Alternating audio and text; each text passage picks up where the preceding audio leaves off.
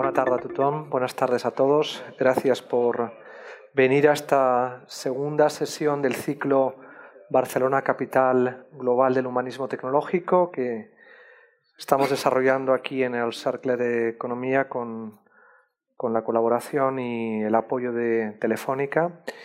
Y, y hoy tenemos, como decía, la, la segunda cita, el segundo encuentro con Jordi Baker, responsable regional para Europa ¿no? de la Open Society Foundation, y vamos a hablar de derechos, ciudadanía y sociedad abierta digital, tratando de identificar dentro de este ecosistema digital sobre el que hablábamos el otro día las oportunidades que tiene Barcelona a la hora de aprovechar su experiencia de ciudad, los conflictos y la realidad que acompaña a la experiencia de ciudad en términos políticos, como una sociedad abierta propia con su complejidad en el escenario que estamos describiendo. Bueno, Jordi es una persona conocida, politólogo, ha sido director del CIDOP, eh, ha tenido una experiencia internacional europea en la London School, en el Colegio de Europa.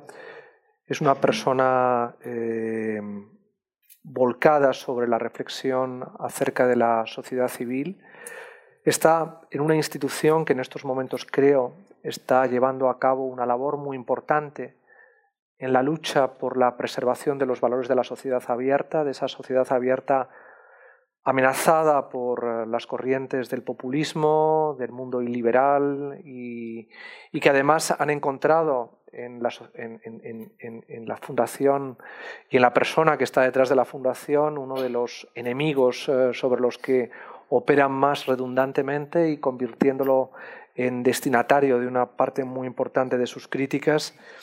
Y por tanto creo que es muy indicada la presencia hoy aquí de Jordi, conoce muy bien el ecosistema político y digital de, de, Barcelona y estoy convencido de que va a hacer una magnífica intervención y, y nada, eh, Jordi tienes la palabra y, y es tu momento. Perfecte, gràcies, moltes gràcies eh, a José María Lasalle per l'amable presentació, al Cercle per la invitació. Eh, mireu, començo a Chongqing, no començo a Barcelona. Chongqing és la ciutat més densa de la Xina i és una ciutat, és la, la que es considera la més vigilada del món, 2,6 milions de càmeres per 15,3 milions de persones, una càmera per cada 6 persones, més o menys, a tota la Xina aquest any hi ha d'haver eh, instal·lades uns 626 milions de càmeres de, de circuit tancat. Eh, començo amb dades. El 91% dels entrevistats als Estats Units admeten que fan servir la internet com una extensió del seu cervell. A la Índia hi ha un sistema que és el número Aadhaar, que és eh, un número que s'ha servir per pensions, per reemborsament de medicaments, per ajudes alimentàries, a l'estat de Jharkhand, que està a l'est, és un dels estats més pobres del, del país, eh, els activistes ja han identificat 13 morts per inanició de gana de persones que els hi tocaria l'ajuda però que el sistema els havia denegat.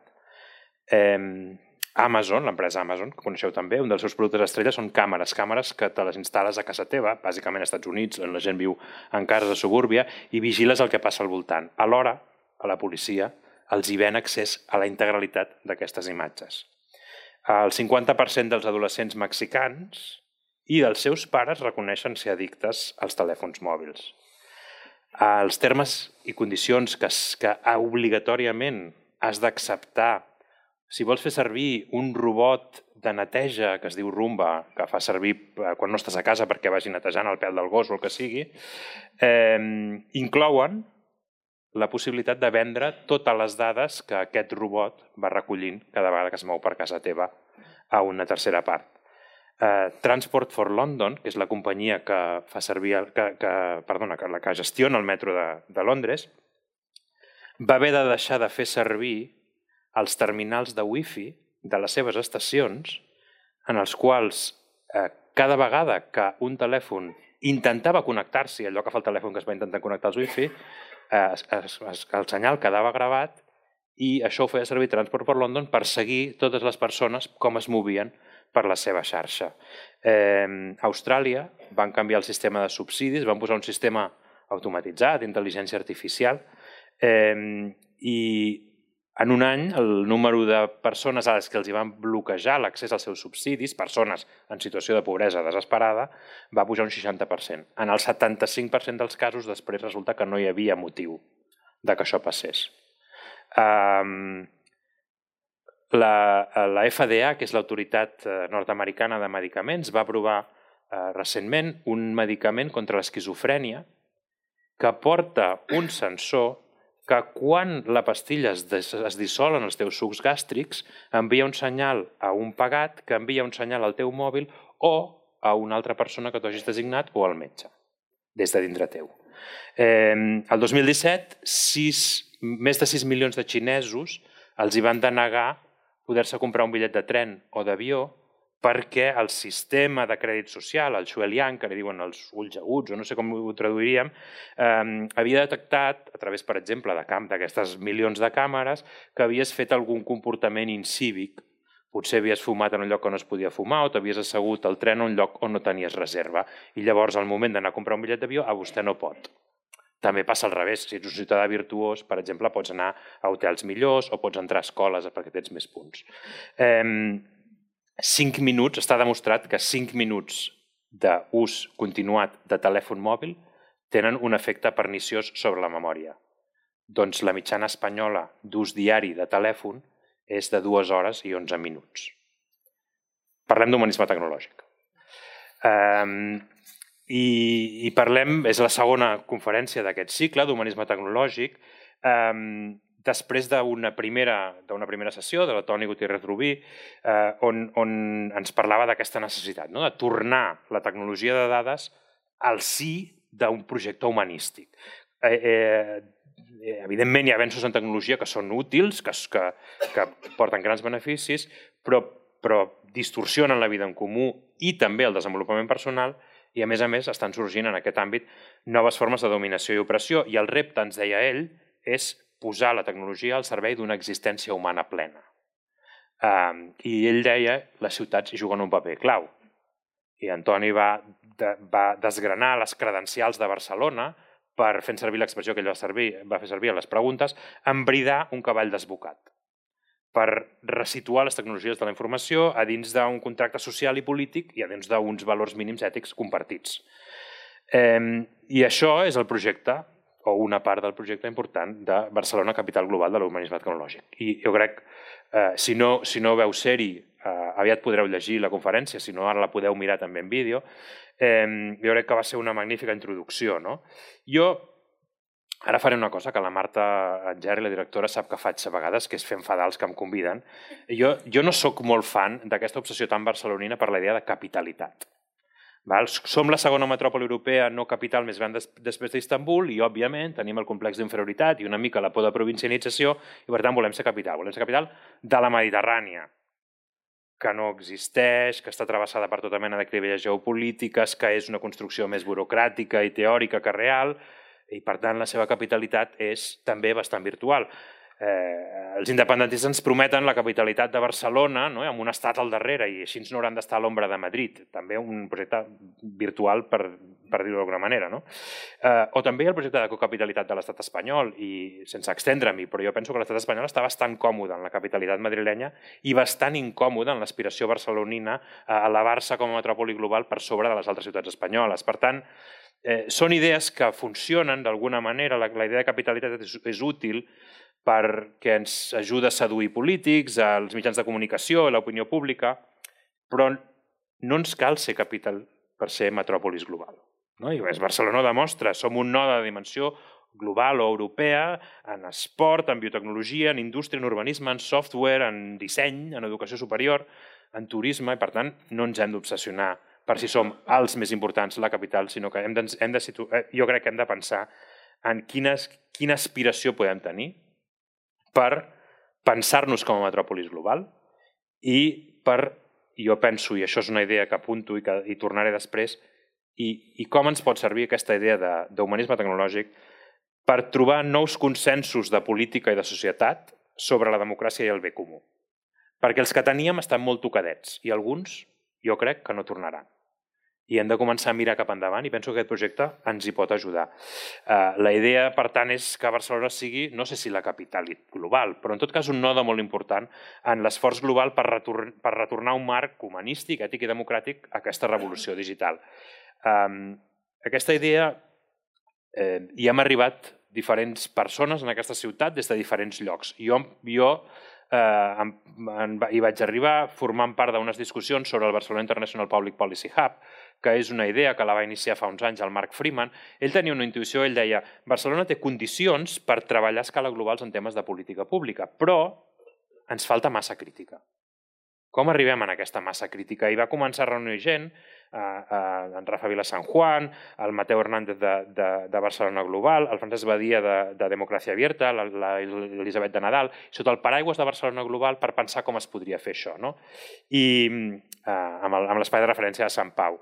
I en, I en aquestes discussions, eh, una cosa que ens va sorgir va ser el, els exemples, l'exemple d'Amsterdam, el que havia fet Amsterdam amb el canvi climàtic, l'exemple de la Haia amb el dret internacional, o, o també l'exemple de Ginebra amb el dret humanitari, no? d'especialitzar-se en una cosa i crear un entorn on hi pugui haver la massa crítica per realment jugar un paper global. Jo crec que aquests són exemples millors que l'exemple doncs, de Nova York o Brussel·les, on el que, del que hi ha és una estela brutal del poder polític, darrere de la qual doncs, segueixen totes aquestes organitzacions i que, francament, aquí no tenim aquesta dimensió de poder polític i, per tant, ni, ni, ni pensar-hi. No? Eh, I, clar, vam pensar, quin és el tema de Barcelona? Quin és l'equivalent al canvi climàtic per Amsterdam? I, I vam dir, home, estem en un cicle polític d'activisme, de protesta, d'innovació democràtica, interessant, eh, amb icones globals, la nostra pròpia alcaldessa és una icona global en alguns d'aquests àmbits, eh, i potser podríem ser una ciutat de referència en la reflexió sobre drets i llibertats. Però, amics, aquest és un àmbit molt controvertit en aquesta ciutat. I no és un àmbit que ens posa tots junts. Hi ha un altre aspecte, hi ha un accent d'aquest àmbit, que és el de la tecnologia, que també coincideix en molt, en molt bona part amb la vocació d'aquesta ciutat, i potser des d'aquest angle sí que hi ha un projecte aglutinador interessant a pensar. Mireu, jo el que, el que penso que es tracta en, en el projecte d'humanisme tecnològic és, sobretot, de defensar la societat oberta amb les condicions contemporànies, al segle XXI. Jo faig servir l'expressió eh, l'expressió societat oberta, primera perquè tinc un viatge institucional, jo treballo per Open Society Foundations eh, i, i, per tant, la represento aquí a Barcelona i, i, i per tant és obvi que, que és una idea que, que em molt ràpid, però a més a més penso que té algun, alguna, algun avantatge sobre, per exemple, parlar de democràcia.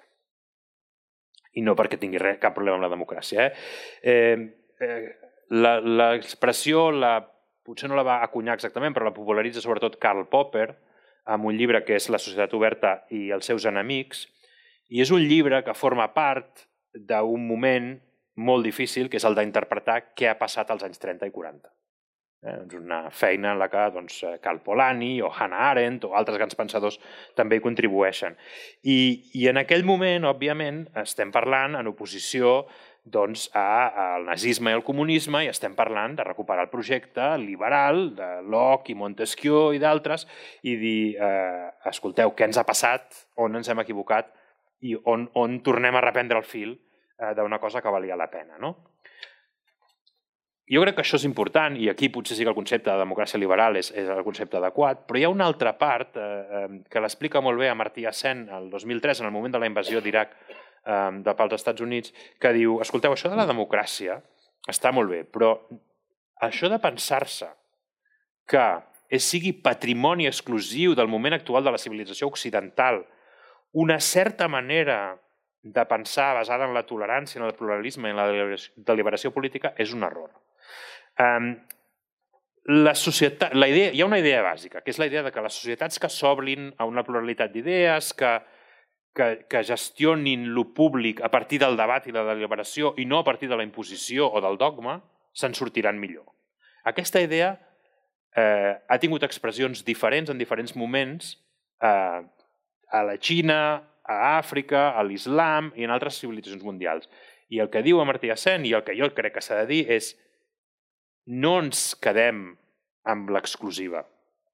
Perquè la idea aquesta, i jo crec que Societat Oberta en aquest sentit entronca amb aquesta idea de de pluralisme, de, de que no hi ha una sola forma única de, de coneixement, és una idea que ens portarà més gent a dins de la tenda que anar intentant vendre eh, el nostre model. Bé, des d'aquesta perspectiva, aquesta idea de societat oberta, que va una mica més enllà del que seria la democràcia liberal, tot i que està en el cor, eh, hi ha quatre grans amenaces. I jo només em centraré en una.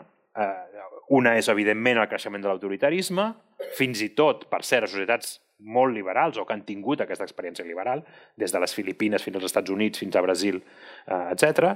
Eh, L'emergència climàtica, que ens posarà les societats obertes amb unes tensions que ja veurem si ens en, sortir, si ens sortiran, la desigualtat econòmica i la quarta revolució industrial, transformació digital, etc etc. Bé, l'humanisme tecnològic, per tant, no és una resposta a tots els problemes de la societat oberta, però és la resposta a un problema molt fonamental. No? El José María La Salle en el seu llibre diu existencial de la, del, de la societat oberta. És important posar en perspectiva el fet que no sempre s'ha vist la revolució digital com a l'enemiga de la societat oberta. De fet, estem en un moment de pessimisme. Però hem passat per altres moments. Hem passat pel moment en el que l'ús de, que feia Barack Obama de la tecnologia de dades eh, o, o el Twitter, la revolució tunis, tunisiana i egípcia o el que sigui, no? o Occupy, no sé què, eh, havien generat una sensació de que, de fet, això de la tecnologia era l'arma dels, dels dèbils, era el que permetria plantar cara a aquells poders que semblava que no hi hagués manera de fer-los fora, etc etc. Hi ha hagut un moment de tecnooptimisme entre eh, els activistes de la societat oberta, no? però ens n'hem adonat que també ha permès captar terroristes i radicalitzar joves a casa seva que no tenien cap altra connexió que no fos la internet amb, amb organitzacions terroristes, eh, que ha permès eh, les linxaments a la Índia de persones que havien sigut falsament acusades d'haver, doncs, per exemple, matat una vaca, eh, que ha permès pogroms ètnics a Sri Lanka i a Myanmar, que ha permès les victòries de persones com Jair Bolsonaro, que no són precisament eh, eh, paladins de la societat oberta, o que ha permès que eh, noies a tot arreu del món hagin acabat suïcidant-se no? davant d'un assetjament que han patit a partir, per exemple, de la difusió d'un vídeo sexual. No? Eh, I per tant ens anem a donar... I jo crec que no, jo crec que no ens hem d'entrar en la discussió de està el got mig ple o el got està mig buit, està ple de verí o està ple d'antídot. El que crec que s'ha d'entrar, i és la discussió eh, de Ciberleviatan i d'altres, és quina és la modificació estructural en la que estem situats i en aquesta modificació estructural, no de correlació de forces, de qui fa servir millor la tecnologia o no, quins són els aspectes que per si són perniciosos i perillosos per la idea de societat oberta i quins són els que són empoderadors i milloradors d'aquesta idea. Eh, mireu, abans d'entrar en més detall, em, em, eh, vull, vull comentar una cosa. Eh, estic parlant molt de tecnologia digital. Hi ha altres aspectes de la tecnologia que també poden ser molt, molt amenaçadors per la societat oberta. Per exemple, la biotecnologia. No? A mi, la idea que un país un dia determinat decideixi començar a produir una classe de persones genèticament modificades per ser soldats o enginyeres em fa pànic. Però és cert que en qüestions de biotecnologies, sense que siguin perfecta, hi ha una tradició potentíssima de filosofia, de, bi de bioètica, d'involucració i diàleg amb líders religiosos, eh, comitès de bioètica, etc etc. Està molt institucionalitzada la reflexió i la regulació. En l'àmbit digital això no passa. I no passa malgrat que sabem positivament que també l'àmbit digital ens modifica el nostre cos, el nostre cervell, les nostres percepcions, ens modifica com a persones, com ho fa d'alguna manera la biotecnologia.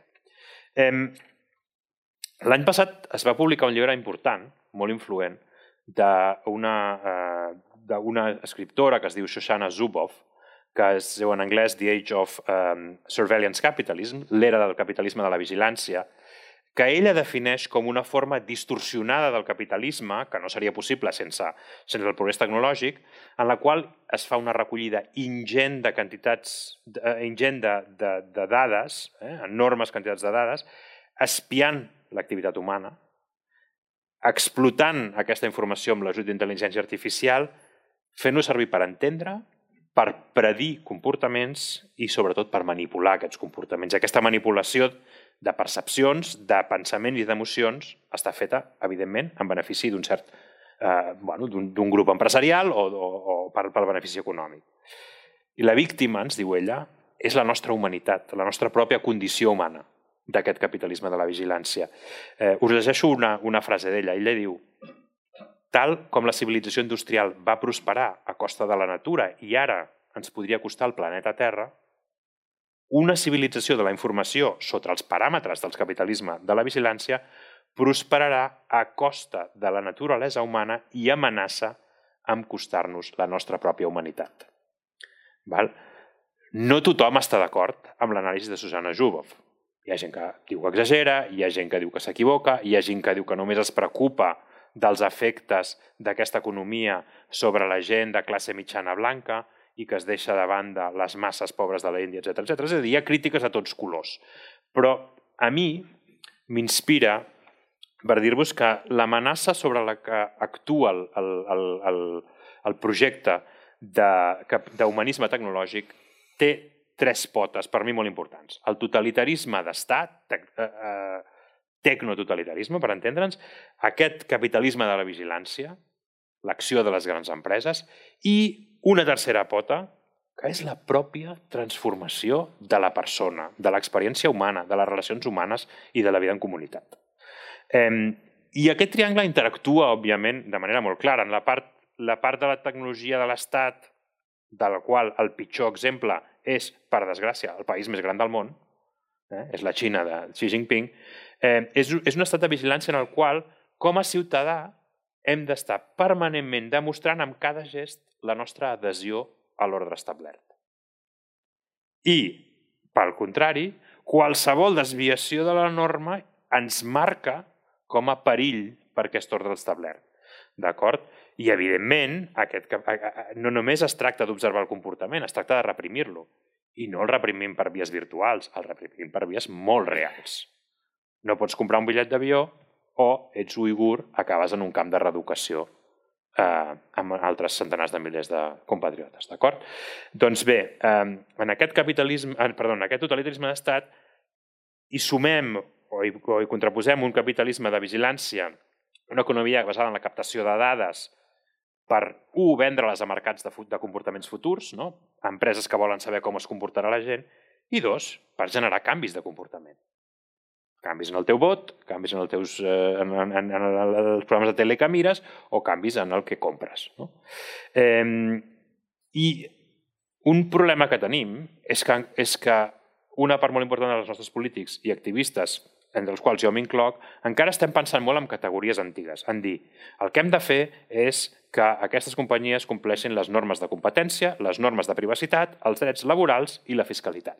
Cosa que és cert i que és importantíssim, però que no abarca la complexitat del fenomen del que estem parlant que va, que va molt més enllà, que modifica les nostres percepcions, que, fa, que, que ens transforma d'una manera que ja no la superarem, només dient, bueno, és que tu no pots vendre la, les meves dades aquí i allà, o... És, va molt més enllà. Necessitem pujar un nivell, la complexitat de la resposta pública, pública de poders públics estatals i pública també de societat civil, en, en, aquest, nou, en, aquest, en aquest nou repte. No? La, us poso alguns exemples, evidentment, de que aquests dos, de que aquests dos eh, eh, vèrtexs del triangle es toquen, el totalitarisme d'estat i el capitalisme de la vigilància. Huawei va a l'Ajuntament de Belgrat i li ven un acord per tenir mil càmeres del carrer. No? Eh, una part d'això anirà a la policia i a l'Ajuntament de Belgrat, una altra part s'ho quedarà Huawei pel que n'hagi de fer. Google es posa d'acord amb Xina i bloqueja la recerca de certs, de certs eh, termes de busca, no? segons el moment, els que siguin incòmodes. Eh, I per no ficar-nos només amb Estats Units i Xina, doncs eh, MTN, una, una de telecom sud-africana, per entrar al mercat, posem ugandès, doncs fa un acord amb el govern d'Uganda, segons el qual, a més a més de tenir un substancial eh, accés al mercat i segurament algú emportar-se'n eh, un pico, a més a més, evidentment el govern ugandès tindrà accés en aquestes comunicacions privades dels ugandesos. O, o Celebrite, que és una empresa eh, israeliana no? que genera una tecnologia que després la fa servir el govern de Myanmar per en els judicis d'uns eh, eh, periodistes que s'han atrevit a denunciar el genocidi dels rohingyes, no? doncs incriminar-los judicialment. I aquesta companyia israeliana diu, ah, jo no sóc responsable del mal ús de la meva tecnologia. Bé, dos, en aquests dos eh, diguem-ne, vèrtexs del, del, del triangle n'hi afegeix un tercer, que, com us deia, la transformació de les persones i, comunita, i, i comunitats. Perquè estem parlant de que els coneixements de la neurociència els estan aplicant per modificar la nostra pròpia activitat cerebral, les nostres emocions, les, eh, si generem endorfines o serotonina, eh, per produir comportaments addictius, a erosionar la nostra capacitat de discerniment. De manera deliberada, no és un accident. D'acord? Els colors de la pantalla dels nostres telèfons estan dissenyats perquè els estiguem mirant cada dos per tres. No som rucs, és que estan dissenyats per això. Um, i llavors hi ha efectes principals sobre atenció, sobre memòria, sobre aprenentatge, sobre gratificació retardada, evidentment pitjors com abans passin en la vida, perquè l'efecte multiplicador és més gran. Eh? I, I també afecta les relacions personals. Hi ha una aplicació que es diu MySpy, que, es, que en principi és perquè o bé un empresari o una empresa pugui controlar què fan els treballadors amb la tecnologia que els hi dona, o bé perquè els pares controlin els seus fills, això és el, això és el màrqueting, no? Què fan els teus fills amb el telèfon, no vols saber-ho, doncs el 50% dels usuaris de MySpy la fan servir per espiar la seva parella. Jo no sé quina és la vostra idea de relació de parella, en la meva la vigilància electrònica no hi té lloc. Val? Eh, I a més a més d'això, doncs hi ha tota una internet, la que es diu la internet fosca, Eh? Eh, la internet fosca és eh, els cercles d'abús sexuals infantils, els jocs que potencien l'impuls suïcida, la radicalització, l'addicció a les apostes online, les trastorns alimentaris, etc. Alerta. L'humanisme tecnològic no és anti-progrés tecnològic. Perquè la primera, perquè la tecnologia de dades és una expressió del geni humà. Una expressió del geni humà molt beneficiosa que ens permet coses que no haguéssim pogut mai ni arribar a somiar i, per tant, no està en contra del progrés. De fet, jo reivindico el contrari. El, les condicions de totalitarisme d'estat o de totalitarisme de mercat són una amenaça radical a la innovació de les noves idees. I si no, mireu com els hi van anar les coses en, en, en temes científics a Holanda i Anglaterra al segle XVII i com li van anar a Espanya. Eh? I, I hi ha, una, hi ha un article de, divertit de Denise O'Leary, una canadenca, que compara els estudiants de Hong Kong amb els de la Xina eh, continental, els de la Xina, diguem-ne, eh, popular.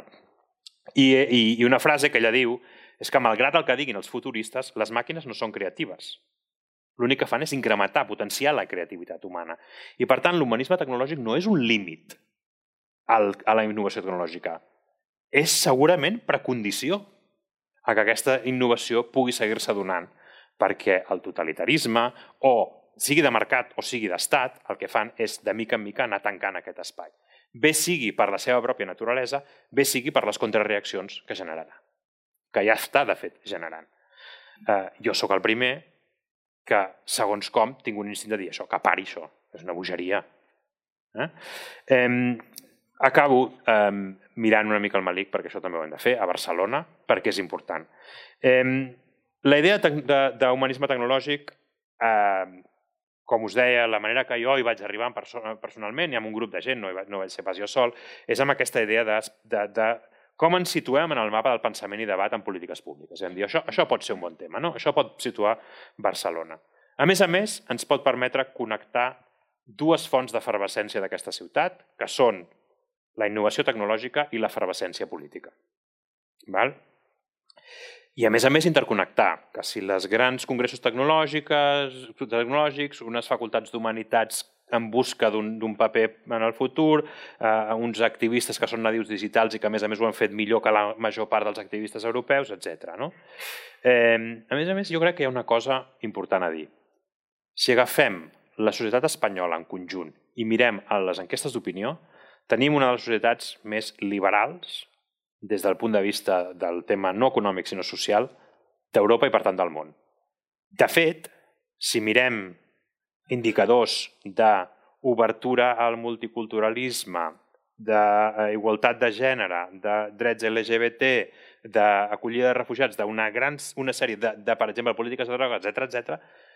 si, de, si deixem Escandinàvia i Holanda, estem a dalt de tot. Estem a l'alçada d'Irlanda, de Regne Unit, de Bèlgica i estem per sobre clarament de França, no diguem ja d'Itàlia, etc etc. No?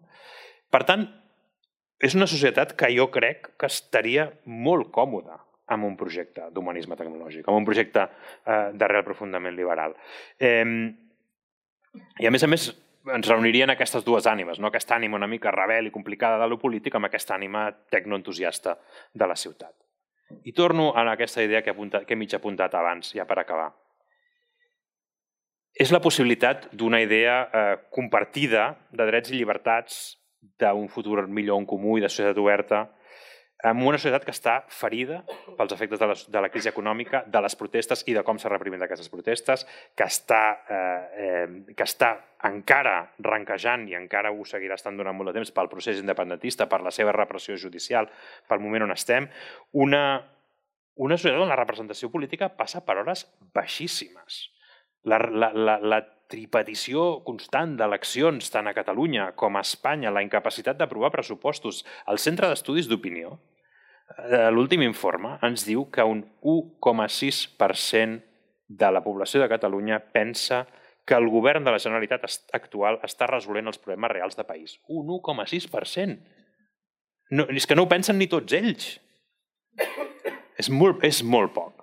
I és, estem en un moment de que necessitem, i a més a més està, no només està tocada la política, perquè els mitjans de comunicació, el poder judicial, la pertinença a la Unió Europea, els cossos policials, la funció pública, l'escola, tot, tot això ha rebut en aquests últims anys. I, per tant, necessitem projectes comuns. I el tema d'humanisme tecnològic pot alçar aquesta bandera, no? alçar la bandera de l'humanisme tecnològic, amb Catalunya al darrere i amb Espanya al darrere, i amb les seves institucions també, eh, a mi em sembla que és un projecte de futur dels, dels que fan falta perquè jo no crec que eh, necessitem processos de reconciliació i de tirar enrere, sinó processos de tirar endavant. Eh, ho hem de fer, evidentment, pensant què en podem treure i si vindrà aquí algú i si tindrem inversió i tot això. Però ho hem de fer, jo crec, també, i sobretot mirant cap en fora, de què volem fer allà fora, qui volem ser, en què volem contribuir. I perquè ens juguem molt, perquè ens juguem la pròpia societat oberta. Jo crec que és, és un moment eh, eh, molt complicat per la ciutat i una passeta per, per tirar endavant i sortir d'aquest moment seria el, agafar aquest compromís, un compromís amb rescatar la nostra pròpia humanitat en minúscula, la nostra pròpia condició humana, i fer una contribució col·lectiva com a ciutat amb els reptes de tota la humanitat, en majúscula. Moltes gràcies.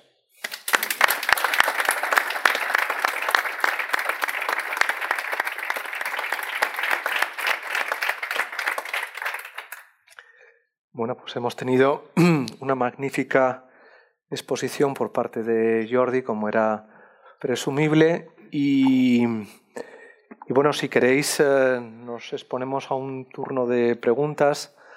Tenemos un rato por delante para poder eh, profundizar en algunos aspectos. A mí sí me gustaría que nos comentases eh, en la experiencia que tú llevas desde hace años eh, viviendo en Barcelona y conociendo muy bien el activismo que en el ámbito político, en el ámbito de instituciones, de organizaciones, está trabajando estas cuestiones, porque en el Ayuntamiento de Barcelona ya se viene trabajando estos temas desde, desde hace algún tiempo con algún proyecto, que nos identificaras o que nos mapearas ese ecosistema que permite ver ya una serie de iniciativas, de actividades, de experiencias. Hay un legacy ya sobre el que se puede trabajar y que puede contribuir también a reforzar la idea de que Barcelona evidentemente reúne condiciones, tú decías, para ser una metrópoli global que, que puede poner en evidencia que es ya un laboratorio de gestión de complejidad política con iniciativas interesadas en la política y que tienen ya que ver con el activismo digital, con la construcción de experiencias de derechos, de gestión de datos, de apertura en la gestión de esos datos, de identificación de potenciales catálogos de derechos, etcétera, etcétera. No? Eh... Sí, a veure, eh, ha, hi ha fonts diferents. Hi ha, hi ha eh, des de, des de diguem-ne, una, una, una part de la reflexió acadèmica més orientada a l'acció, per exemple, l'IGOP de, la, de la UAB, anys abans de que comencés tota la moguda del, del 15M, etc etc. no? Hi havia, doncs, per exemple, una reflexió important sobre, eh, béns, sobre els, els commons, els béns comuns, i, i què significaven en l'espai digital i com es podien crear eh, mecanismes menys jeràrquics, menys controlats per grans empreses, menys controlats pel poder, de eh, generació de valor, etc etc. És a dir, hi havia una mica de i abans, fins i tot, de tota aquesta efervescència política, ja hi havia, mm, em poso de reflexió, connectat, a més a més, amb, amb, amb centres de reflexió importants, de, de Harvard, a Califòrnia, etc etc. És a dir, ja hi havia algunes persones que hi havien pensat abans. Però realment l'explosió és al voltant de uh, la crisi. La crisi del 2000 2007, 2008, 2009, eh, deixa un país estabornit des de molts punts de vista. I hi ha una reacció important de captura d'aquests espais per fer les coses de manera diferent. Posaré uns exemples perquè si no ens, ens perdem en la, en la, en la teoria. No? Eh, ha, eh, eh, avui en dia Twitter és molt sovint percebut com l'espai de el mal rotllo, l'assetjament, el masclisme, tot això. Ho és, eh? Vull dir, no, ho, és, ho és amb justícia. Però eh, quan, quan hi romp Twitter i Espanya és un dels early adopters, un dels països on comença a agafar massa crítica molt ràpid, és un moment de gestació d'activisme molt important que, des del meu punt de vista, per exemple, explica l'arribada tardia, per exemple, de l'extrema dreta al panorama espanyol la rapidesa amb què aquests espais, que han sigut espais importantíssims perquè l'extrema dreta arribi en altres països, aquí s'ha capturat. Llavors, aquí, per mi, aquesta, aquest és un exemple. Un altre exemple és l'ús eh, que se n'ha fet per controlar els abusos del poder públic. No? Eh, des de eh, maneres d'analitzar eh, eh, transaccions financeres, fins a sistemes segurs de filtrat, des de protecció d'alertadors fins a eh, maneres molt imaginatives de finançar eh, doncs els litigis estratègics i els processos, no? doncs el, el famós, per exemple, 15M per Rato, no? el fet de, de, de, de, de que el Rodrigo Rato al final hagués de rendir comptes per la gestió eh, que es va després treballar molt problemàtica, és un altre espai eh, d'exemple. Després hi ha una, una transferència cap a les, cap a les, eh, diguem-ne, cap a les entitats públiques, cap a les autoritats públiques. Val a dir que Catalunya amb això no és única. No? El País Basc, per exemple, eh, i Navarra han fet molta innovació en temes de transparència. Hi ha entitats que estan entre Barcelona i Madrid que van i venen, no? com la Fundació Cibio, que han treballat molt, molt aquestes qüestions. Però és veritat que hi ha eines de, de decisió pública eh, que ara s'estan exportant, i ara no m'atreviria a dir les dades, però l'eina creada a Barcelona diria que es fa servir a més de 100 eh, espais polítics diferents, no? ciutats o regions o tot això, ha tingut molt èxit, per exemple. No? Que tot això és pòsit d'activisme, però també d'eines, i de fer servir la tecnologia per a alguna molt diferent, eh, que fa que, per exemple, no puguin passar coses com el que va passar a Toronto. No? L'alcalde de Toronto arriba a un acord amb Google perquè totes les dades que es generen amb la gestió de la ciutat les pugui tractar Google. No? Els ciutadans de Toronto, quan se n'enteren, ho, ho frenen. Però aquest instint hi és molt en les administracions públiques, no? Tu em dones la solució, a mi què m'importa si després amb les dades les fas servir per una cosa o una altra, mentre no les mentre no facis una divulgació clara de l'expedient mèdic d'una persona, cosa que les empreses tecnològiques no són rucs tampoc, no ho fan això. Eh? Eh, aquest, aquesta mena de coses, en lloc d'acord amb això, tenim una ciutat des de ja fa eh, eh, temps, i no només eh, amb l'Ajuntament, amb la de Colau, sinó des de ja fa temps, que ha estat mirant una mica diferent aquesta mena d'acords. Es va intentar eh, parlar de la idea en, en l'anterior mandat de, de sobirania digital, ara s'està parlant eh, de com des de l'Ajuntament es pot compaginar totes les enormes utilitats, que són molt grans, de fer servir la intel·ligència artificial, amb les, les, la, el coneixement de que, aquest, de que el seu mal ús és molt problemàtic i, per tant, des d'aquí també s'estan buscant vies. Dit tot això, jo no sóc dels que penso que això ho tinguem guanyat i que tinguem les condicions objectives. Jo vaig molt a Berlín, allà hi ha més condicions objectives. Eh, a Londres també hi ha més condicions objectives, no ens enganyem. Això, com tot el que s'ha fet en aquesta ciutat, haurà de ser a part de, a base de voluntat, a base d'alinear-se i a base de picar pedra. No hi ha, no hi ha, ningú ens vindrà aquí a preguntar Barcelona, què en penseu de l'humanisme tecnològic? No serà així. No? Vull dir que no... Hi ha, hi ha eh, diguem-ne que hi ha, hi ha elements dins de l'activisme, com hi ha elements en l'empresa, com hi ha elements en la política. Però no està fet, ni molt menys.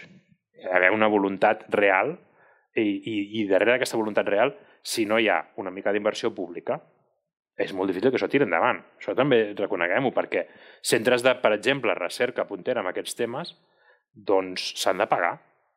I a més a més, si no els pagues, el que passa és que llavors et ve Google i et diu ah, però jo et pagaré la càtedra d'ètica i tecnologies.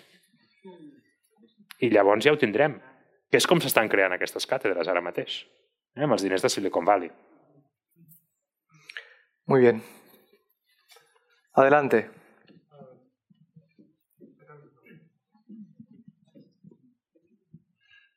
Tenemos hasta, la, perdón, hasta las ocho y media, ¿no, Marta? Ocho y media, ¿no? No, voy a ser muy largo. No, no, no.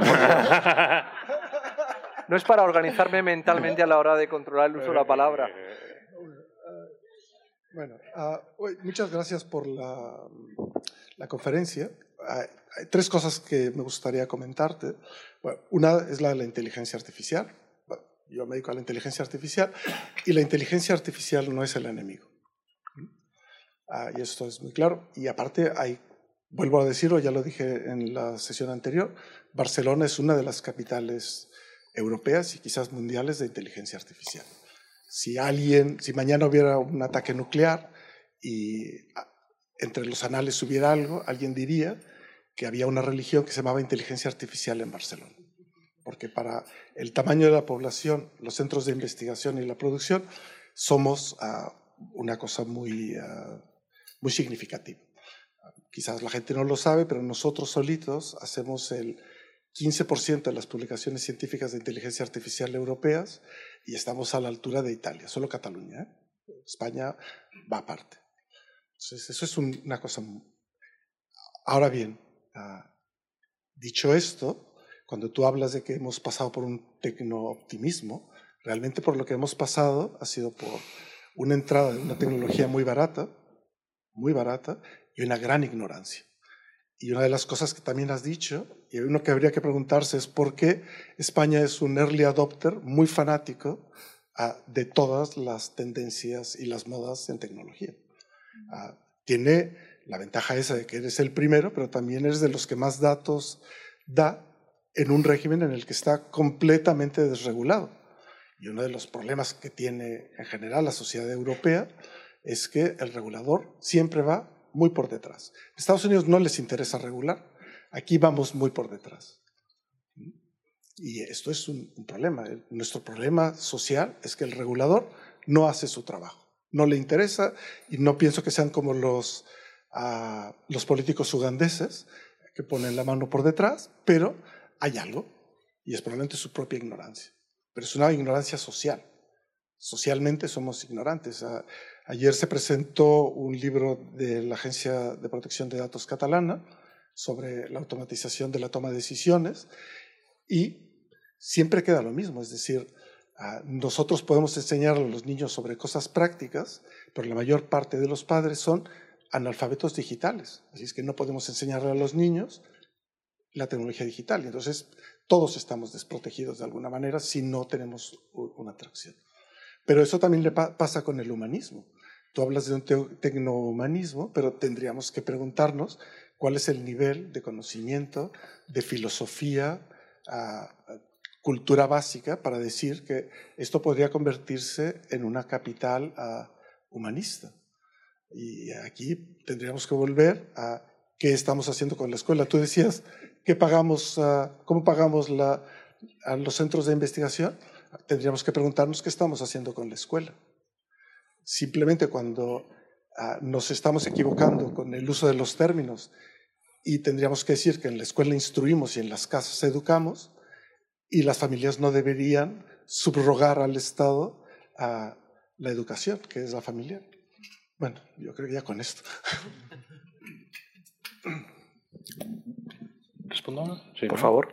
Mira, eh, mm, bueno, es, verdad que el IA y, la masa crítica, y no hablas de verdad de, la parte más de, investigación y todo esto, es otro de los, eh, de los lugares y además es interesante porque el IA no solo investiga sobre inteligencia artificial, sino también estudia sobre esos temas de ética. O sea, en el propio IA está en Instituto de Investigación de Inteligencia Artificial en la, en la, en UAB, que es el, centro del CSIC de referencia en este tema, que está en Barcelona, no está en Madrid. Eh, este tema precisamente de la ética, etcétera, es, uno de los temas, ¿no? Y muchos otros, de música, etcétera. estoy muy de acuerdo que no es el enemigo.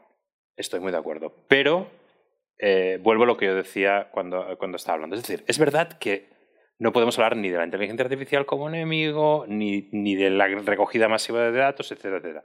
Pero lo que sí que es verdad es que ya estamos en un punto en el que hay cambios a nivel sistémico que de por sí sí son preocupantes. Ya no solo dependen de si yo lo uso bien o yo lo uso mal. Y este es, este es mi punto. No es, no es decir las tecnologías son malas, pero sí que han creado un entorno que de por sí es problemático para eh, los valores de la sociedad abierta. Entorno que en, en, parte es consecuencia directa de la tecnología, pero la mayor parte es consecuencia de su uso, abuso y mal uso. ¿Eh? O sea, esto también hay que decirlo y hay que insistir. Y, por ejemplo, la crisis de los medios de comunicación que se le achaca a la tecnología, bueno, hay un trocito que tiene culpa la tecnología, otro trocito que tiene culpa los sistemas de anuncios y otro trocito que tienen culpa los medios. O sea, mm, hay que, luego hay que descargar, a veces se le ponen a cuenta de la tecnología cosas que, bueno, van mucho más allá de esto. En eso estoy muy de acuerdo. Em, en, cuanto, en cuanto a lo que has dicho de, de, la falta de, bueno, del analfabetismo, mira, yo hay un, hay un, eh, un curso bastante sencillo hecho en Finlandia que se llama, creo que es Elements of Artificial Intelligence, ¿no? que ellos dicen que lo ha tomado un 1% de la población finlandesa. Y es básicamente un curso online relativamente sencillo para entender qué es y qué no es inteligencia artificial. Y parte de una idea muy importante, que es decir, esto es muy importante, no es bueno o malo, es muy importante y por lo tanto hay que regularlo políticamente. Y para que se pueda hacer una regulación política de un tema, tiene que haber un cierto porcentaje de la población que entienda qué es, que entienda de qué estamos hablando. No podemos hablar de esto solo con reguladores que vengan de la industria o vengan de un cierto activismo con sus propias ideas y sin que haya una masa crítica mínima de ciudadanía que pueda tener una opinión, una opinión mínimamente eh, eh, informada. Y, soy muy partidario, evidentemente, de, de, cualquier acción que nos lleve a esto. Ahora, voy a decir también una cosa muy importante. Con todo lo partidario que soy de, de la educación y del alfabetismo, también soy muy partidario de poner la responsabilidad donde toca. Y creo que en este momento en tecnología eh, hay que exigirle un poco menos al ciudadano y un poco más al que pone en el mercado productos nocivos, adictivos, que, eh, engañosos y que van a buscarte. ¿vale?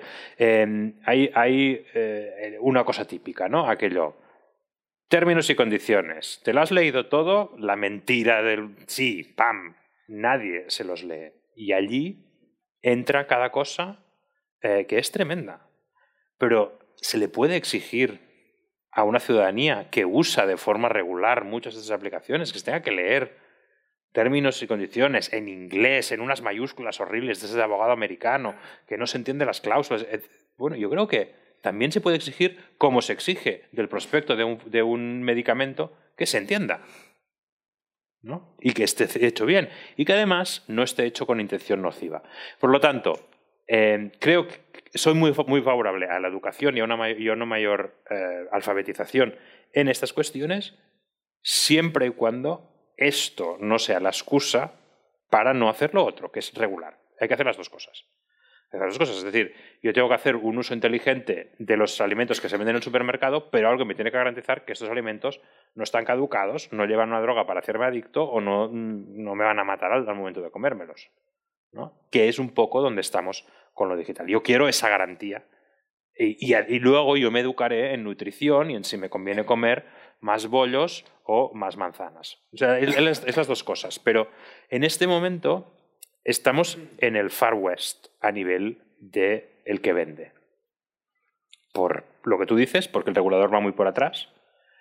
Y yo también creo por la opción de estas empresas. Y algunas de esas empresas están nacidas con la única intención de generar datos y hacer mal uso de ellos. Mientras que otras, no. Y, yo creo que Susana Zubov hace una diferenciación que creo que está bien, que dice, mira, Amazon te puede gustar más o menos y tiene muy malas prácticas, pero no, está, no, está, no ha nacido para coger tus datos y venderlos todo esto. ¿Vale? Google y Facebook es todo lo que hacen. Esa es su razón de ser. Crecen y existen por este mal uso de los datos. Entonces, es distinto. Y luego, no es por defender a Amazon, porque ya os estaba explicando las cámaras y mil otras cosas. Pero bueno, al final es distinto. Yo estoy ofreciendo un, servicio que tiene algo que ver, digamos, con la realidad que no es solo quiero tus datos para eh, luego vendérselos al mejor postor. Joan. Sí, Jordi, una mica, una mica has contestat ara una part del que jo et volia eh, dir.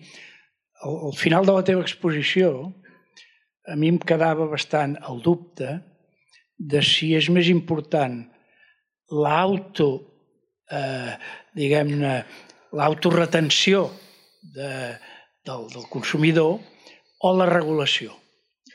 Jo he pensat sempre que la regulació és molt més important. Eh? Per què? Eh, a veure, posem un exemple.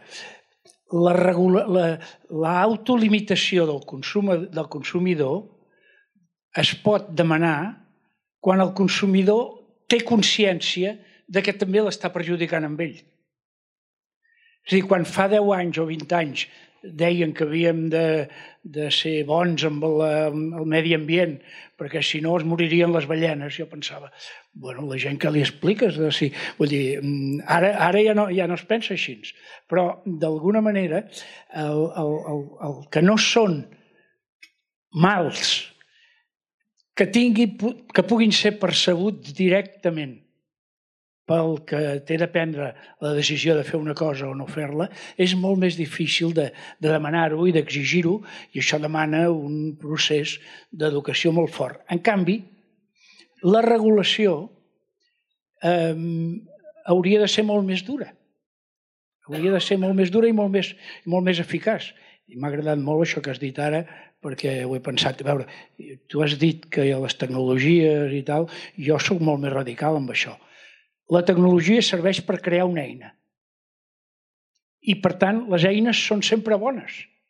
Ets tu que decideixes si són bones o són dolentes, segons per què la facis servir. Però això de que dius, no, hi ha molta gent que no, que la tecnologia és neutra, no és bona ni dolenta. No, no, la tecnologia és bona. Per què? Perquè ens ajuda a ampliar les nostres capacitats. Ara, és clar, podem fer servir un ganivet per tallar jabugo o per clavar-li en el coll amb un altre, no? Per tant, no per això no es poden, no es poden fer ganivets. Llavors, jo crec que la regulació eh, ha d'estar molt implicada en una cosa que ja la, que ja la sabem tots, que és la, la part, diguem-ne, de coses que estan permeses i coses que no estan permeses, i en una altra part aquesta que tu en dius regulació comercial o regulació de posada a la venda i tal i qual. Però jo crec que el que ens està passant ara és absolutament un enorme retard de la regulació respecte a la, a la situació eh, en què ha avançat la tecnologia. I és clar, quan va començar internet i quan van començar totes aquestes coses, van dir, home, això és un alliberament extraordinari. I ho ha sigut, un alliberament extraordinari. Eh, internet és una de les coses que més ha augmentat la llibertat de les persones. Allò. Però, és clar, no, no, no, no, han regulat res. No s'ha regulat res. No s'han establert alguns tipus de, de, de, diguem-ne, de comportaments que no es poguessin fer, no? Per tant, jo voldria dir i saber si estàs d'acord amb que mm, és tan o més, molt més important per mi, molt més important insistir en la regulació que no només amb l'educació eh, de les persones, perquè ja s'eduquen quan els hi comencen a fer mal amb ells les coses. Però, però en el cas de, de les tecnologies digitals, la percepció d'aquest mal és molt més lent i molt menys clar. Mm. Molt bé. A veure, um, hi ha moltes coses aquí. I, um, i, mira, jo, jo, posa, jo posaria, potser tornaré un exemple dels que he posat al principi que us he fet aquella llista de fer por, um, que és el, el, el, us deia la, la pastilla aquella de, de l'esquizofrènia, no? que quan, quan t'arriba a la panxa envia les, el senyal al sensor, el sensor envia el senyal al mòbil. Um, és sempre una qüestió d'on arribes al límit, no? Dius, um, si aquesta pastilla t'envia el senyal al teu mòbil, i el teu mòbil està ben, està ben diguem-ne, encriptat i ningú ho veu, cap problema. Potser arriba la tarda i no me'n recordo si me l'he presa i és un xollo que eh, pugui mirar el mòbil i em digui, ah, sí, ja te l'has presa, no? Um, si a més a més puc triar si l'envio o no li envio a, a, a, la, a la meva senyora o, al, o a qui sigui, doncs també, no? Tot fàcil, molt bé. I què passa si eh, el teu metge, la companyia d'assegurances, li comença a preguntar si te l'estàs prenent o no te l'estàs prenent i et puja la nòmina, eh, eh, et pugen, perdó, la, la prima segons... Ah, dius, hosti, això ja no ho volia, no? I a vegades, a vegades el problema és que, com que va per passets, no? com que va per passets, aquests passets, al final, no? eh, eh, dius, bueno, jo ja estava, vull dir, no, no em molestava tant que envies un, no sé, a mi la la idea m'inquieta una mica, eh? que alguna cosa enviï un missatge, però bueno, imaginem que no, que no m'inquietés. No, no em molestava tant, però ara que començo a veure tot això, i això ja no és tecnologia, això és la, la indústria de les assegurances, ja, és, o sigui, ja, ja, ja hi entra una complexitat molt més gran, val? Eh, en la qual tothom estem ficats. És a dir, que la indústria de les assegurances no cal tecnologia perquè et fotin el pèl. Has de ser com a, com a ciutadà eh, s'ha de saber moltes coses eh, per moure't en el món d'una economia tan complexa com la nostra. Per tant, hi ha coses que tampoc jo li posaria totes a sobre de la tecnologia. El que passa que la tecnologia va molt de pressa i genera uns espais d'incomprensió que són, des del meu punt de vista, més, eh, són més inquietants. El, el, el tema de la regulació. A mi, a mi em preocupa la, la, la mala regulació i la regulació tardia. Però a mi m'agrada més la idea d'humanisme tecnològic. És a dir, no és que portem un retard regulatori, és que portem un retard de pensament, d'entendre el que ens està passant en aquest moment amb la revolució digital, com ens està transformant les relacions, etc etc, que només es pot afrontar des d'aquesta perspectiva humanística, en la qual hi ha gent juristes i polítics, sens dubte, però en la qual també hi ha sociòlogues i filòsofs i demògrafs i gent que estigui reflexionant-hi des d'unes perspectives crec, més profundes. I artivistes, gent que fa art i activisme, i molt més. Per això m'agrada molt l'expressió humanisme tecnològic, perquè sí que la regulació va 50 passes pel darrere, però és que és la pròpia comprensió del que està passant amb la persona el que anem endarrerits. I per això el projecte de capital de, capital de l'humanisme, o no capital, és igual, d'humanisme tecnològic, és un projecte que a mi em sembla que és de futur, que és gran, que és d'ambició. Perquè ens porta, jo crec, una mica més enllà de la necessària, diria jo, imprescindible actualització regulatòria. Eh? Perquè, perquè hem, jo crec que hem d'entendre una mica més que eh, eh, si, el que s'hi val i el que no s'hi val. I per últim, sobre, la, sobre el que dèieu de, de la tecnologia, no? jo, jo, jo, eh, hi ha, una, hi ha una, un instint no? que és com, com pensar que l'enginyer de dades és el, és el problema, no? Que, que, aquesta acumulació de dades i tot això. I, i la, la Gemma Galdón, que és la, la, la, una empresària d'ètiques que treballa en l'àmbit d'ètica i, i, i dades, posa un exemple sempre que a mi m'agrada molt. Ella diu, mira, els enginyers de cotxes, si tu els hi diguessis fes un cotxe que corri tot el que pugui, ja farien cotxes que corrin més que els que tenim ara. Evidentment que els faria. Però com que tu els hi dius, fes un cotxe que corri, però que no contamini més que això, que no faci més soroll que allò, que sigui segur i que, a més a més, no sé què, aquests enginyers no són menys feliços perquè el seu cotxe no corri a 500 per hora.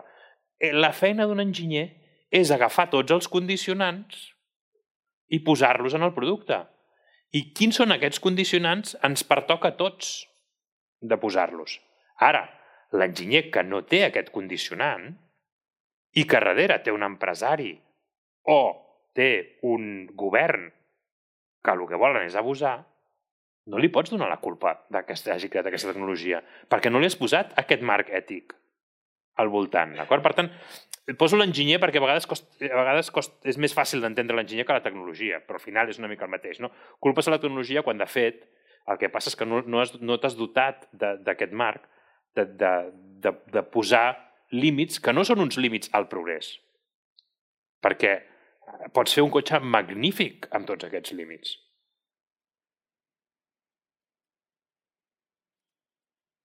Sí, por favor.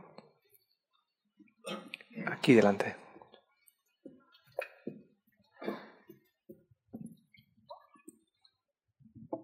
Sí, em sembla molt interessant. Potser hi ha un aspecte que no hem tocat massa. O sigui, el desenvolupament tecnològic realment té uns condicionants importants i la regulació pues, sempre va enrere. Diria que això és històric, quasi. Més o menys ha estat així sempre. A mi el que em preocupa del desenvolupament tecnològic ara és la velocitat. És dir, si el desenvolupament tecnològic fos, com sempre, més o menys a una velocitat absorbible, però és que ara està amb una velocitat molt gran i, a més, amb acceleració. Que això vol dir, a més, quan un fenomen està així, jo sóc enginyer, normalment és que està a punt de petar. És a dir, quan jo veig qualsevol dels fenòmenos que toquen a, a la vida i que està amb una curva que comença a fer-se vertical, dic, malament, això eh, petarà. Per tant, no tenim aquí un problema, a part de que la regulació va enrere, perquè això ha passat sempre i seguirà passant, i és que la velocitat és accelerada i, per tant, l'ésser humà probablement està arribant una mica als seus límits de capacitat d'entrar en tot això? A veure, jo, eh, mira, jo crec que hi ha una... No hem de ser derrotistes sobre la capacitat de regular la innovació tecnològica, perquè hi ha àmbits d'innovació tecnològica molt regulats. Jo poso sempre dos exemples. L'àmbit nuclear està molt, molt, molt regulat. I, I sense aquesta regulació no hagués pogut tirar endavant, eh? perquè les societats no ho haguessin, no ho haguessin eh, permès. I l'àmbit farmacèutic. I l'àmbit farmacèutic té una gran complexitat i té un, un gran nivell de regulació hi ha falles, és criticable, els mecanismes de preus, la meva pròpia organització ens passem el dia eh, als, a tribunals eh, lluitant contra ells, però, és a dir, jo crec que, que les mateixes eines que serveixen per abusar poden ser eines que serveixin per controlar. La pròpia administració pública no s'està dotant de les eines, fins i tot tecnològiques, d'entendre el que està passant. No? I aquí hi ha una deixadesa, una incomprensió, però no crec que sigui impossible. Llavors, ja em fas una pregunta més enllà d'això, que ja és més filosòfica. I a mi em costa de comparar, perquè eh, és veritat que les coses estan canviant molt de pressa. Jo crec que una cosa que ens passa és que Europa està perquè sí que Espanya està, eh, perdó, que Catalunya està amb intel·ligència artificial una mica més endavant, però Europa en general està una mica bastant més endarrere en molts temes i això també ens passa una... Jo crec que també tenim una, aquesta, aquesta inquietud de dir, a més a més això a sobre està passant en llocs que ja no som nosaltres, ja no estem a davant de tot. Eh, no ho sé, no t'ho sé dir si és una acceleració que estem a punt de patar. Jo crec que abans patarà el planeta, que aquí sí que estem estirant més la corda. Però bueno, eh, a mi la, la sensació senzillament és de dir no caiguem en el fatalisme de que això va tan ràpid i això és tan complicat. Primera, si s'ha de frenar una mica, que freni. Eh? Que no passa res. Si no tenim la casa domòtica que només fent així ja ens faci el sopar, si podem esperar una mica més. Si el preu és doncs la, la, no, hi ha, no hi ha la pèrdua de drets i llibertats i la privacitat. La pròpia transformació de la manera en què pensem, estimem i percebem, que repeteixo, per mi, estem també en aquesta dimensió. Evidentment en una dimensió política, eh? però també en aquesta dimensió humanística. Per això, per això crec que, que no, no s'ha de desistir de la idea de que això sigui controlable. Mm, aquests, aquests avanços exponencials de la tecnologia de dades hi ha altres àmbits de la ciència que també han avançat molt, molt, molt ràpid. No? I jo crec que hem d'aprendre també d'on s'ha pogut fer i on s'ha fet millor. I perdó, i una altra cosa. I el problema és que la tecnologia de dades la veiem com a no perillosa, mentre que la farmacèutica i, evidentment, la nuclear la veiem com a perillosa. I jo crec que el meu argument és és perillós. És perillós. Hi ha perills reals.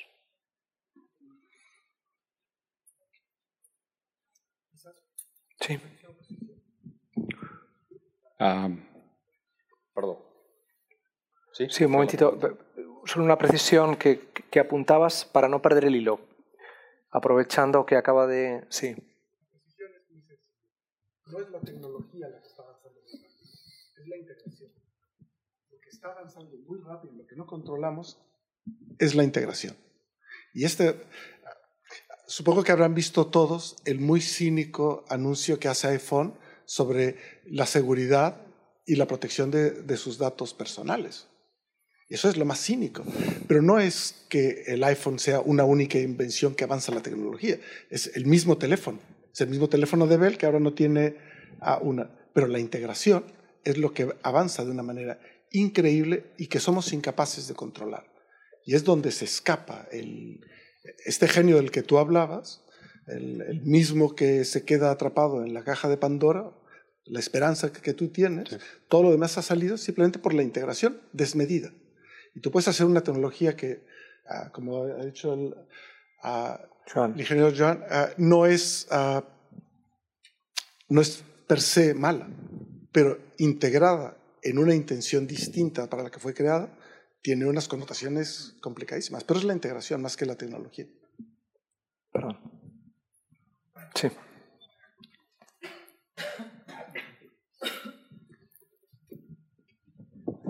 Uh, gràcies, Jordi.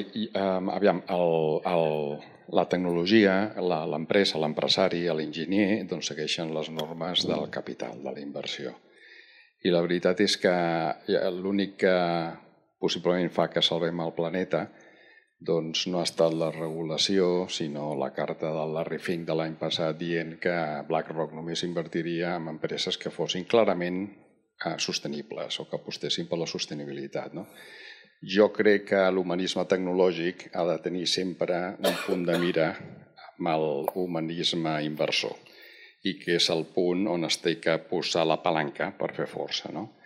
Uh, M'agradaria veure quines idees tens sobre com es pot inflexionar i com es pot influir sobre l'inversor, eh? perquè al final el sistema és capitalista i si el capital diu prou, el sistema obeix. No? M'agradaria veure quines idees tens al respecte. Bueno, hi ha, hi ha un... A veure, eh, no m'he d'inventar res perquè és el que ja s'ha fet, és l'atac a la reputació, no? L'únic que ha fet que Facebook es posi, es posi les piles és els atacs, la, la, és la qüestió reputacional. I, de fet, segueixen perdent usuaris i, i, i, i perden capitalització bursàtil a partir d'això. No?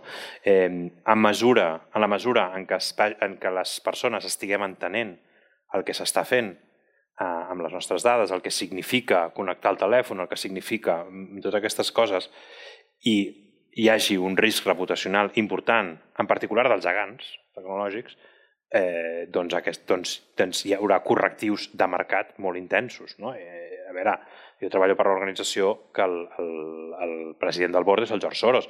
El George Soros és inversor i eh, va triar l'any passat com a tema del seu discurs a Davos els gegants tecnològics i no ho va fer perquè sí, ho va fer perquè ell el que entenia és que eh, nosaltres podem anar als tribunals i podem donar-los ajudes als activistes i podem fer tot això, però si no hi ha un càstig, hi ha un correctiu en els mercats en aquestes pràctiques abusives, és molt difícil que aquestes pràctiques abusives... Oh, a més, també hi ha d'haver regulació, eh? jo crec que és tot una mica, però estic molt d'acord amb tu. Hi ha d'haver també correctius de mercat a pràctiques que són eh, molt, molt nocives des del punt de vista dels seus efectes agregats i que, si les persones les entenguéssim a fons el que signifiquen per nosaltres i el que s'està fent amb no, no les nostres dades, sinó com se t'espia per com camines pel carrer, moltes persones penso que estarien disposades a eh, aplicar aquests correctius com a inversores o com a ciutadans eh, en contra de la reputació. Per tant, és, un, és una via importantíssima. Sense aquest, sense aquest correctiu, eh, els altres són molt difícils. Ara hi ha d'haver hi ha també la regulació. Bé, no, no, no ens, només ens podem... Perquè no, allò que dir no, ens autorregulem i el mercat s'autoregula, no, no, no. Tot. Sí, hay dos, dos manos levantadas. Son y 20 eh, por tener un cierto control sobre el tiempo y tener alguna oportunidad. Molt bé. Tres, val. Una pregunta molt breu. Has fet una intervenció extraordinària sobre el, sobre el què i el per què. No? Sobre, el, sobre el què de l'humanisme tecnològic i el, i el per què. Per què cal i per què Barcelona pot fer aquest, aquesta bandera. Jo et volia fer una pregunta molt avorrida, que és la pregunta del com. De quines iniciatives se t'acuden que Barcelona pot tirar endavant per justament tenir aquest paper rellevant en, en aquest debat. Sí, jo crec que les, les agrupamos. Sí, sí, les agrupamos i fantàstico. Ah, en, en relació al com i amb el que acabes de contestar a l'anterior intervenció, potser allà hi ha l'espai no? per, per, per situar Barcelona, és a dir, com a font de crear de creació d'aquesta informació i coneixement que ens falta perquè llavors els mecanismes reputacionals i els mecanismes regulatoris arribin més a temps de lo, que, de lo tard que hi anem. Mm -hmm. Hi havia allà... Una, detrás, sí. Hi havia alguna altra por aquí? Perfecte. Sí, moltes gràcies, molt breu. Eh, de tots els eh, múltiples factors que heu mencionat, o que has mencionat, n'hi ha un que em sembla especialment dificultós des del punt de vista regulatori, que és la incidència que sobre el psiquisme humà té l'ús de les noves tecnologies, sobretot per poblacions joves. Eh? En els moments actuals es constaten fenòmens eh, que estan eh, tenint lloc doncs, amb, amb, amb certes capes d'adolescents al Japó, eh, que tenen eh, un, uns comportaments molt mediatitzats eh, eh, i que porten doncs, a, a un aïllament total. Sembla, entre els entesos, que eh, en el món dels joves, eh, diguem-ne, l'era digital actual hi ha un, comporta una cosa com a denominador comú, que és eh, la fragilització o la ruptura del vincle social. Llavors jo penso que precisament per la dificultat de, de poder medir eh, aquests, eh, aquests efectes, aquest és un terreny molt susceptible de, de la posició ideològica per part de l'observador que té que fer un diagnòstic sobre això. Eh? Llavors, la meva pregunta en aquest sentit és com penseu abordar el tema aquest que tu has mencionat com un tema important però que potser eh, es podia separar del reste, la incidència en el, en la configuració psíquica de les persones.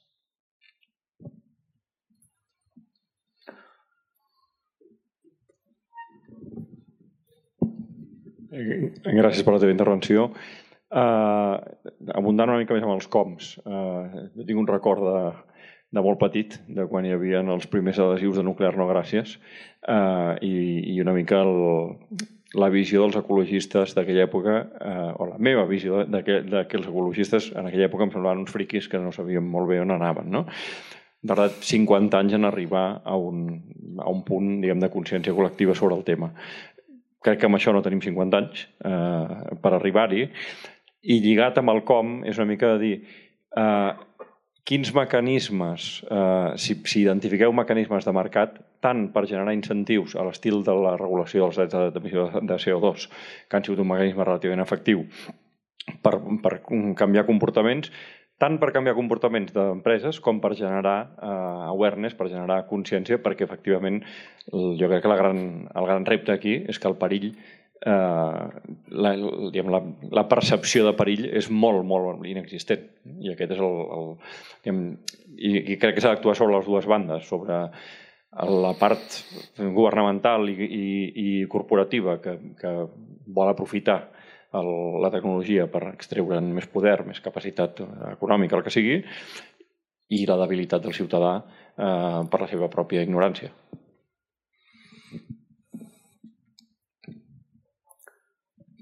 Mm, bueno, uh, el COP és diguem-ne que no, no, no, ho tinc, no ho tinc clar i no ho tinc clar no només perquè no en sé de molts temes i per tant fa molta gent que en sàpiga de temes molt diferents, sinó um, bueno, per, perquè, és, perquè eh, des del, de, primer hauríem de definir si això és un edifici grandiós al Poble Nou que hi reunim no tot de gent, una política pública amb molts diners al darrere, un eh, eslògan com el Green New Deal, és a dir, no, no, no, no sabem ni, què, ni, ni, ni ben bé, diguem, no entenem el que vol fer l'humanisme tecnològic, no, no, no, no sé si, estem, si sabem de què estem parlant, o, o si són 15 càtedres a, 15 univers, a totes les universitats catalanes, no? Hem, eh, o sigui, s'hi ha de pensar molt bé amb, amb, amb la substància, en la matèria, no? o sigui, és un parc tecnològic. A mi el que em sembla és que eh, i una mica també enllaçant amb el que deia la, la Bet de Nadal, eh, crec que no és només generar informació i coneixement, en tot cas. Val?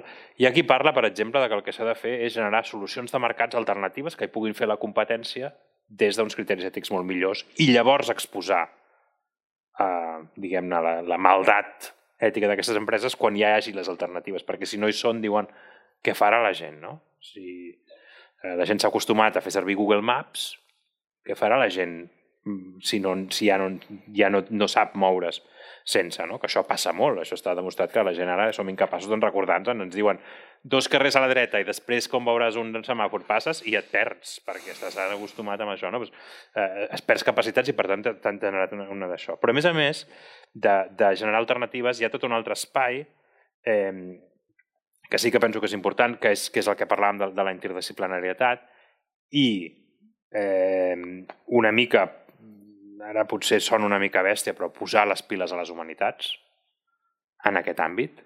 Allò de, de la, la, la, la famosa, el, el, el famós aquella cosa, aquell de, bueno, jo és que jo sóc de lletres i això, no? Doncs mira, és que ser de lletres avui en dia vol dir saber-ne d'això. No? I això eh, jo crec que no és fàcil és un canvi important de, de mentalitat. Hi ha una part, evidentment, que és de regulació i aquí tots, tots tenim el gran, gran esperança de que mentre la, la Unió Europea mantingui el seu poder regulador, aprofitem-lo. No? I a més, aquí hi ha una paradoxa, que és que els èxits en regulació a vegades fan que la Unió Europea tingui menys, tingui menys pes. El cas més clar és el de les emissions. No? Com més redueixis les emissions, menys percentatge és de les emissions globals i, per tant, menys pintes en les negociacions globals sobre emissions fora de tenir eh, l'autoritat moral que tu t'autoatribueixes però que els altres no tenen per què reconèixer-te. I passa una mica, una, mica, una mica també amb això. Si comencem a regular i a frenar i a fora la cosa no frena, no? doncs aquí el que et passarà és que vas esdevenint menys i menys rellevant i el teu mercat de 500 milions al final tampoc és tan important com per poder fer el que s'ha fet amb, el, amb, el, amb el, la, la regulació de privacitat famosa, no? el GDPR allò que era perquè no et sortissin anuncis i et surt tota l'estona acceptes, que tal, i tota aquella cosa, doncs això, que és un gran èxit regulatori que tots els països ara estan, estan adoptant, ja veurem si d'aquí 10 anys la Unió Europea encara té aquest pes. Perquè si et surts una mica de la, de la roda també perds poder regulatori. Però en tot cas, el part, la part regulatòria és important, la part de generar alternatives pot ser important, perquè a més a més que aquí pot ser on hi hagi una part d'indústria, de creativitat diferent, de no sempre anar, anar a regular. La, eh, eh, i, I jo crec que també començar a definir això, el que deia, què és això? Serà l'edifici de l'humanisme tecnològic? No? Una cosa molt típica de política pública a Espanya és fas un edifici i llavors ja es fa alguna cosa. No? bueno, doncs si vivim a Espanya potser ho hem de fer i hem de tenir un edifici, no sé com dir-ho. A vegades és la manera que les coses avancin. Eh, eh, sobre els impactes amb els joves i, i, i en general, els impactes no? amb, amb la nostra manera de pensar, jo crec que, jo crec que aquí és una, una de les coses de la regulació. No? Com la regulació està tan centrada en eh, privacitat, competència, drets laborals, no? en el cas de, dels Ubers i tot això i tal, i en canvi eh, no, no hi ha aquesta part de dir, escolta, és, és, un, és que és un producte nociu, no? És un producte nociu, és com si tinguessis un, una joguina eh, doncs, que eh, genera una addicció i que fa que cada setmana has de comprar una i diries, no, està prohibit, perquè això, perquè no, no pot ser que el nen l'estiguis fent servir d'aquesta manera. Bueno, doncs tens joguines que t'estan fent exactament això. I, I per tant aquí crec que és canviar la manera de pensar del regulador. La manera de pensar del regulador de que això és, no és un simple sector econòmic a regular seguint les lleis del sector econòmic, que ja estaria molt bé si les complissin, per cert, no, no li trec cap mèrit en, aquest, en aquesta aproximació, sinó més enllà. No? Eh, també s'ha d'anar amb cuidado en pensar que l'impacte... És, és veritat que l'impacte pot ser fragilitzador i, aïlla, i, i, i aïllar, no? però jo, per exemple, segueixo una mica en, en Twitter eh, un, un, una, una mica la comunitat de nois joves trans. No? I tot i que s'emporten una d'insults i tot el que vulgueu tremendo, és magníficament empoderador, perquè si tu ets un noi trans de 18 anys i vius a la Seu d'Urgell, encara que tot el teu entorn sigui favorable i sigui amable amb tu i t'accepti, no en veuràs un com tu mai de la vida i llavors està allà i està a Twitter i comentant-ho i no sé què, no sé quantos, això, només això, és enormement empoderador i ho veus, i ho veus com, com viuen aquestes, aquestes comunitats molt petites. La comunitat de dones negres que viuen a Espanya, no? I com entre elles es reforcen i s'empoderen. Per tant, la tecnologia, tornem a lo d'abans, la tecnologia pot ser meravellosa també des del punt de vista psicològic i pot permetre unes vivències que, que d'altra manera no les tindries.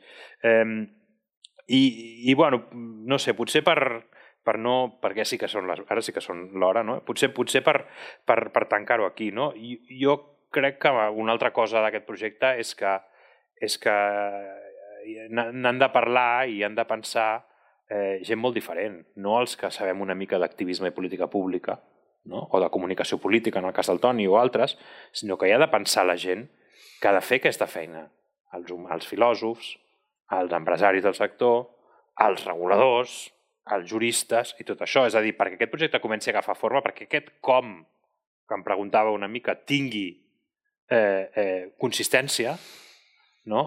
aquí necessitem aquesta interdisciplinaritat ha d'existir en el disseny propi de què vol dir aquesta capitalitat eh, o aquesta aposta per l'humanisme tecnològic. No? I, per tant, eh, més enginyers, i enginyeres i juristes i tot això que hi pensin i que, ens, i que ens diguin no, no, és que no en tens ni idea, és que la regulació no és aquest el problema, la regulació va per un altre lloc, no, és que no has entès el que és la intel·ligència artificial, no va per aquí, és que és això el que necessitem, no? És obrir aquest, aquest diàleg amb les psicòlogues o, o, o, o, o, o qui sigui, no? I aquesta és la invitació, la invitació és que, que, que sortim de l'àmbit dels qui, dels qui i les qui pensem en, polítiques públiques i activisme i aquest espai per anar-nos de mica en mica cap a l'àmbit de les qui pensen des de maneres molt diferents però coincideixen al voltant d'aquesta idea d'humanisme tecnològic. Bueno, lo vamos a dejar aquí. Yo querría terminar sencillamente con un enlace con lo que ha dicho a manera de recapitulación y, y responder muy brevemente. Apuntaba hace un momento Jordi la experiencia de Google planteando un diseño de ciudad inteligente adaptada ya al siglo XXI en un espacio donde Google buscó una ciudad en, Estados, en América del Norte que no, fue Estados que no fue en Estados Unidos, sino en Canadá, en la medida en que buscó encontrar una complejidad que le permitiera la, al desarrollo de modelos de conocimiento de inteligencia artificial sobre una ciudad con un nivel de complejidad que le permitía dar valor agregado a los datos que generaba esa ciudad. Y buscó Toronto. ¿Por qué? Porque era una ciudad compleja, abierta, con un cierto nivel de bienestar, con una cierta masa crítica de pensamiento, con un cierto activismo. No buscó otras zonas u otras ciudades, buscó Toronto. Bien, imaginémonos Barcelona. ¿Por qué Barcelona tiene una especial relevancia, yo creo, como metrópoli por utilizar tu concepto, que puede tener un valor agregado infinitamente mayor a cualquier otra ciudad de ese espacio, ese tamaño donde la inteligencia artificial y mecanismos de ciudad inteligente operando sobre un entorno muy específico puede encontrar en Barcelona una ciudad ideal. Porque es que Barcelona tiene, primero, unas capas de humanismo acumuladas a lo largo de la historia que se notan en la experiencia de ciudad que actúan sobre la conformación de mentalidades de ciudad. Barcelona es una ciudad que tiene un elemento comunitario básico, de ciudad en su experiencia de comunidad mediterránea y con lo que representa eso. Un espacio comunitario, un espacio familiar, pero un espacio de complejidad propia de una ciudad heterodoxa, crítica, eh, que ha ido insertando migraciones a lo largo de su historia, que ha sabido integrar en un relato más o menos homogéneo, pero heterogéneo al mismo tiempo, porque además ha vivido conflictos históricos, desde los conflictos culturales, lingüísticos, pero de clase muy profundos que han marcado su historia, ideológicos, políticos. Es decir, vive el conflicto hoy de la identidad como uno de los conflictos importantes que acompañan eh, la historia de nuestro tiempo. Y todos estos factores, en una ciudad donde estamos viviendo todo esto, pero que es una ciudad civilizada, es una sociedad donde puedes coger un taxi y moverte de un lado a otro o a través de transporte público o con unas condiciones de conocimiento de polos de experiencias alrededor de, por ejemplo, de la inteligencia artificial privilegiadas que si existiera un proyecto público que concibiera Barcelona como un laboratorio de experiencia donde la inteligencia artificial operara sobre determinados proyectos de gestión de rostros y de información sobre rostros, sobre tráfico, sobre salud, sobre em, movimiento, geolocalización, etc., y mediante inteligencia artificial se pusiera al servicio de sesgos humanísticos, cívicos y de experiencia de ciudad dentro de los patrones que identificar ese proyecto público, que son los propios de una sociedad abierta en el siglo XXI, el valor de agregación que eso tendría para Google sería extraordinario, pero para una política pública también. Y esa es la reivindicación que esta ciudad debe ser capaz de liderar, porque reúne las condiciones para eh, tener potencialidades de análisis que, como la inteligencia artificial, le dotan a Barcelona de una especial cualificación, de un ecosistema digital con universidades y centros de conocimiento que le aportan una especial cualificación, que pueden modelizarse en términos económicos, porque hay unas business school aquí que tienen esa capacidad de análisis y de convergencia con los centros y polos de conocimiento, y todo eso requiere, evidentemente, en mi opinión, un liderazgo público de identificar, y lo hablábamos antes, lo hablábamos, a Barcelona como la posibilidad de ser el espacio universitario de la nueva universidad del siglo XXI. Es decir, de un nuevo modelo de universidad experiencialmente público y arraigado en la ciudad, porque tiene esa capacidad que otras ciudades no tienen. Bien, yo os voy a poner una anécdota. Yo en el año 2017, cuando hice mi primera visita al Mobile World Congress, e iba secretario de Estado y me acompañaba mi equipo de, colaboradores, después de la primera visita, el primer día, les dije, ¿me podéis decir qué es lo que más os ha llamado la atención? Diseños tecnológicos, los gadgets típicos de la tecnología, etc. Y yo, de pronto, saqué una nota de alguien que no venía del mundo de la tecnología, que venía del ámbito cultural y del ámbito humanístico. Y fue la siguiente. Yo no sabía nada del tema. Identifiqué, sin que nadie me lo hubiera contado, la brecha de género digital. ¿Por qué? Porque me encontré con un patrón que era que la mayoría de las personas que circulaban por el mobile eran hombres de entre 30 y 50 años. Mayoría, en su mayoría, blancos, blancos y asiáticos. Había muy pocos africanos y muy pocos latinoamericanos y muy pocos eh, eh, árabes. Primer patrón, ¿eh?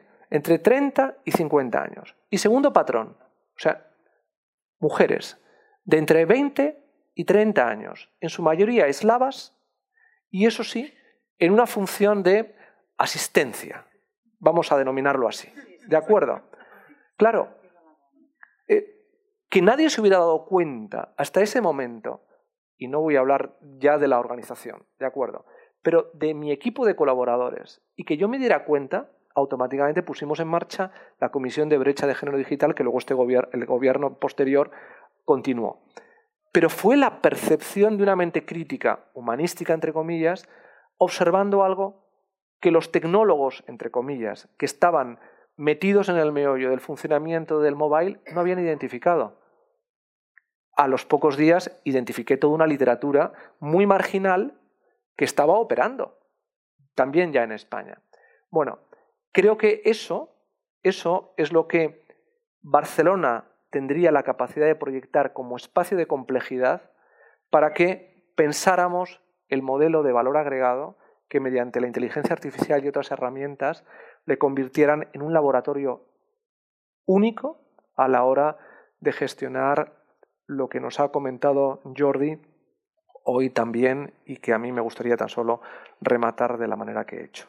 Así que el próximo día será el día 19 y nos acompañará Natalia Olson, que fue asesora del presidente Obama en el ámbito de innovación en la Casa Blanca y se centrará en las oportunidades que tiene Barcelona como espacio de innovación asociado al humanismo tecnológico.